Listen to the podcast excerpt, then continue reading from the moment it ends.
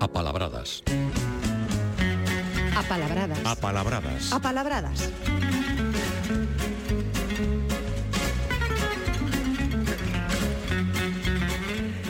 A ver que o que apalabramos hoxe con Paulino Novo. Moi bons días. bons días.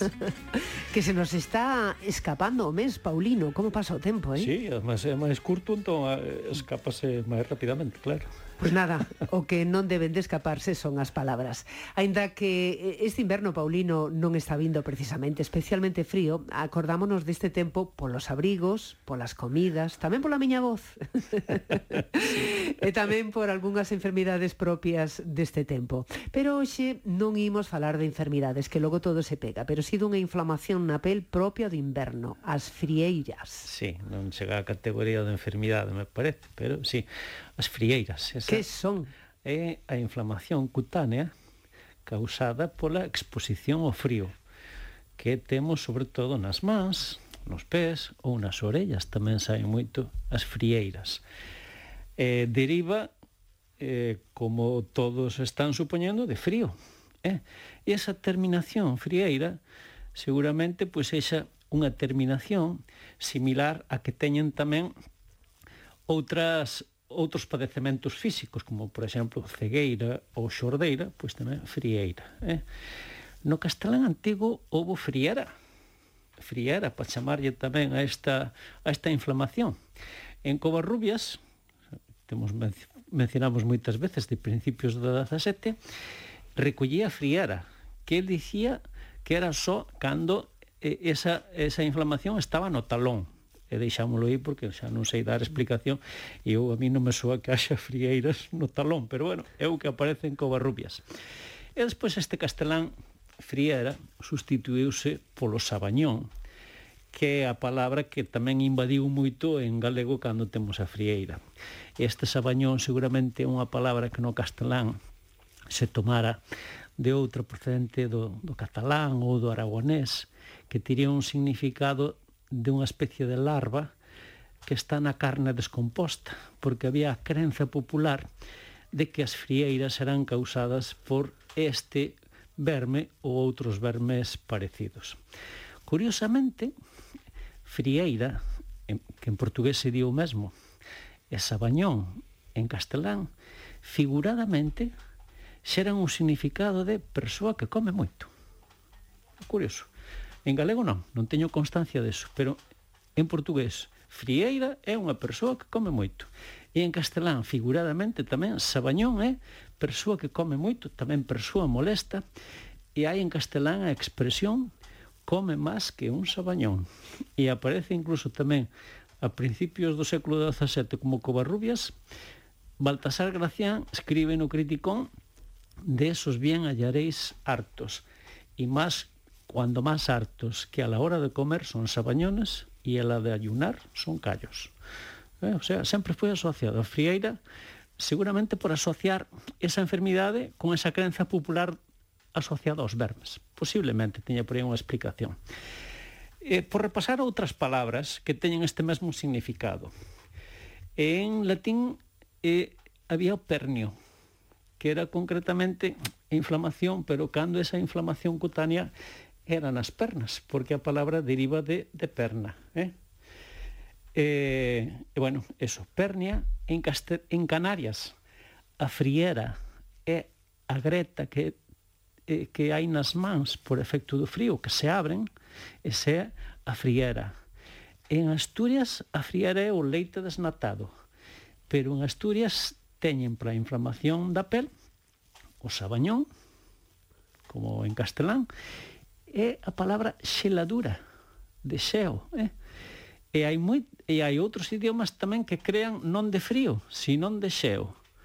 O francés, por exemplo, en gilet, e o italiano xelon, xelone, eh? gelone, perdón, sería gelone a pronunciación uh -huh. correcta. É sobre xeo, entón, sobre frío ou sobre xeo, eh? créanse estas palabras. Falabas de Canarias, non creo eu que teña precisamente os seus non habitantes moito, moitos non teña, problemas. Non teñan moitos, seguramente non teñen palabra porque ali non lle sae, non lle saen frieiras claro, co, pola temperatura. Co, co, co, temperatura, coa temperatura que teñen, sí. Dese pernio que falábamos en latín, pois pues hai unha palabra eh, que se usa eh, na medicina que é perniose, eh? ben, ben precisamente a denominación culta, científica e ven deste, deste, deste pernio do, do latín. Levamos, Paulino, varias semanas en falar de animais, dos seus nomes, que sempre nos dan moito xogo. Hoxe traes un animaliño que nos cae francamente simpático. É un insecto e, e creo que os moitos nomes que traes denotan o cariño que lle mostramos. E, ese insecto é un coleóptero de caparazón vermello cunhas pintas negras creo saber de que se trata. Eh, sí, efectivamente. Qué eh, bonita. Eh, xa eh? levamos dicindo, xa o dixemos moitas veces, que haxa moitos nomes ou a maneira que teñen esos nomes estános dando unha información de que relación temos con con esa cousa ou neste caso con ese insecto. Se temos moita, moitas palabras e palabras todas bonitas como imos ver, pois estános dando xa a información de que o percibimos eh, con agrado, que lle temos, que lle temos cariño ao, ao, ao insecto, non? Eh, traio moitísimas palabras.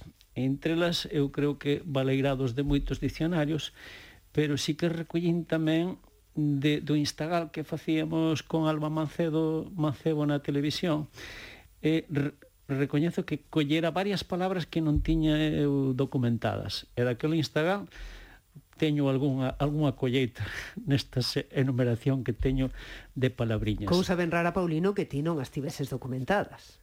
Cousa ben rara. Sí, no, no, e hai algunhas que non están documentadas nin na literatura, nin, nin lexicográficamente, en ningún dicionario. E, e, e saltarannos no, no Instagram. Pois imos con elas. E, é curioso que hai moitos nomes de persoa para denominar este, este insecto. E, eso demostra que lle damos categoría nosa, categoría de persoa, que estamos humanizando, neste caso, este insecto, non? Hai outros animais que lles damos popularmente nomes de persoa, pero para evitar decir o seu nome, a maneira de eufemismos. Eso temolo comentado cando temos falado do raposo, por exemplo, que se chama nalgúns sitios García, noutros sitios Alfonso, ou incluso no francés era Renard, no, un nome propio, de onde temos nos a palabra Renarte, que non a temos para chamarlle o bicho, pero si sí en sentido figurado para a persoa que actúa con astucia. Ves como hai nomes propios, pero isto era para evitar decir o seu nome, non fora ser que nos dera mala sorte e esa noite entrara no galiñeiro o, o raposo. Neste caso non, damoslle nomes, nomes propios a este insecto para humanizalo. Eh, e, e, e eh, digo che varios, Estebo, en algúns sitios chamanlle Estebo.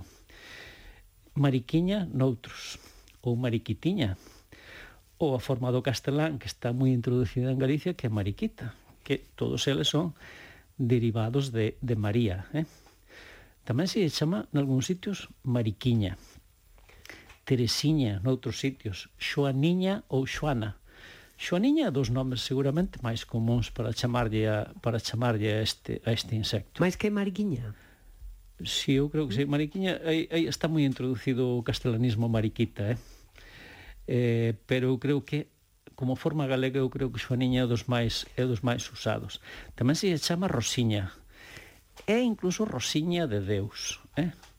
Tamén se chama mariposiña de Deus. E por que se tende, Paulino, a aplicar o diminutivo? porque un bichiño, o diminutivo neste mm. caso demostra afectividade. Non é non é tanto o non connota tanto pequeno tamaño, que tamén é un, como un insecto afecto. pequeno, como o, o, o carácter afectivo. Eh? Eh, dicía Rosiña de Deus, isto de poñerlle de Deus é unha mostra máis de, de, de humanizalo, de personificalo. Eh? Entón hai Rosiña de Deus, pero tamén hai Mariposiña, Mariposiña de Deus. Eh? Eh, isto ten que ver un pouquiño, hai un trato na literatura que empezou Amado Carballo, despois seguiron os grandes escritores do seminario de Mondoñedo, que se denominou eh, animismo ou ilozoísmo e consiste en dar vida a cousas ou a animais e facelos nese sentido máis humanos, non? Pois estas denominacións están en relación, están en relación con eso, non deixa de ser eh, procedementos literarios, eh? eh, estábamos en Mariposiña de Deus. Eh, eh, que mariposa, bueno, é unha palabra que non, que non é galega, pero sí que está esa denominación recollida. Eh, que curiosamente mariposa é unha palabra que se toma seguramente dunha canción infantil, como eh, outras que imos ver tamén a continuación para este, para este insecto. Mariposa que teñen, no portugués teñen, o castelanismo mariposa igual que teñen borboletas, non borboletas, sino borboletas, e tamén teñen unha maneira unha forma moi bonita en portugués que é pousa lousa, que seguramente teña unha creación como esta de mariposa en castelán que se tome de alguna, de alguna, de alguna canción. Eh? Outras palabras para, para o insecto. Unha que é moi usada, costureiriña. Costureira ou costureiriña. Eh? Chámaselle tamén en moitos sitios o insecto este. A explicación que pode ter é que pode recordar os seus pasos con esas patiñas pequenas que ten as puntadas que dá unha costureira nun, nunha peza de roupa. Eh? Eh, este procedimento non é raro, porque tamén se lle chama zapateiro a ese insecto que ten as patas longas e que está na superficie da auga, que por certo non comen as troitas, e ten uns movimentos así a brincos, E eses movimentos e brincos recordan tamén o cosido do zapateiro, que como mete a agulla en coiro ou, ou material duro, ten que ir tamén así a brincos. Entón, recorda, entón, é fácil que, igual que pasa con Zapatero, que nos pasa que tamén con costureiriña, que recorda o movimento Que imaginativo, de, de, non? De, de coser a... Sí, sí, imaginativo, pero isto é, isto é literatura popular de coser a costureira co movimento que ten a, a costureiriña. Outros nomes, papasol ou papuliño, papoia ou pampoia. A papoia tamén pode designar un, oseto que, un, un insecto que ataca os cereais. Penoniña, destes non che sei dar explicación. Seguramente de papasol, papuliña, haxa interferencia con outras denominacións ou algo con estar quieto, pode ser. E dicía eu que hai denominacións inspiradas en cancións. Chámase en algún sitios adiviñón, dun verso popular que di adiviña, adiviñón, se mañá hai sol ou non, que se lle dicía o insecto. Entón, dai do adiviñón se recolle isto. E outra forma é Rei Rei. Rei Rei posiblemente tamén dunha canción infantil. Curiosamente, eu en Meira sempre lle chamamos a forma do castelán, é o que recordo eu, Mariquita. Pero indagando, consultando con algúns amigos, se a palabra rei rei, e un amigo, Ángel de Meira, pois recordaba non só o nome, sino a canción que se que cantaban cando eran nenos. Rei rei, cantos anos xirarei.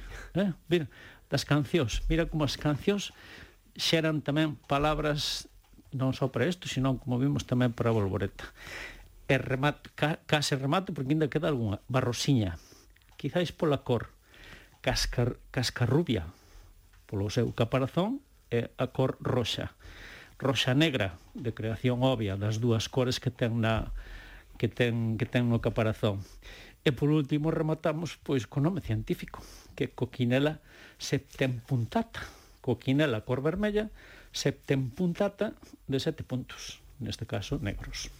Paulino Novo, un placer como sempre, sempre que vexamos, por certo, unha mariquita ou unha mariquiña, mariquitiña, rosiña de Deus, pois lembrarémonos das túas eh, sí, sabias explicacións. Costureiriña, xoaniña, sí. seguramente sexan as formas máis máis estendidas, non? Aquí o deixamos, Paulino Novo, grazas por acompañarnos como cada sábado, un placer, xa sabes eh, que teñas unha magnífica xornada, tamén igualmente, como sempre. Igualmente para ti e para todos e todas que nos escoitan.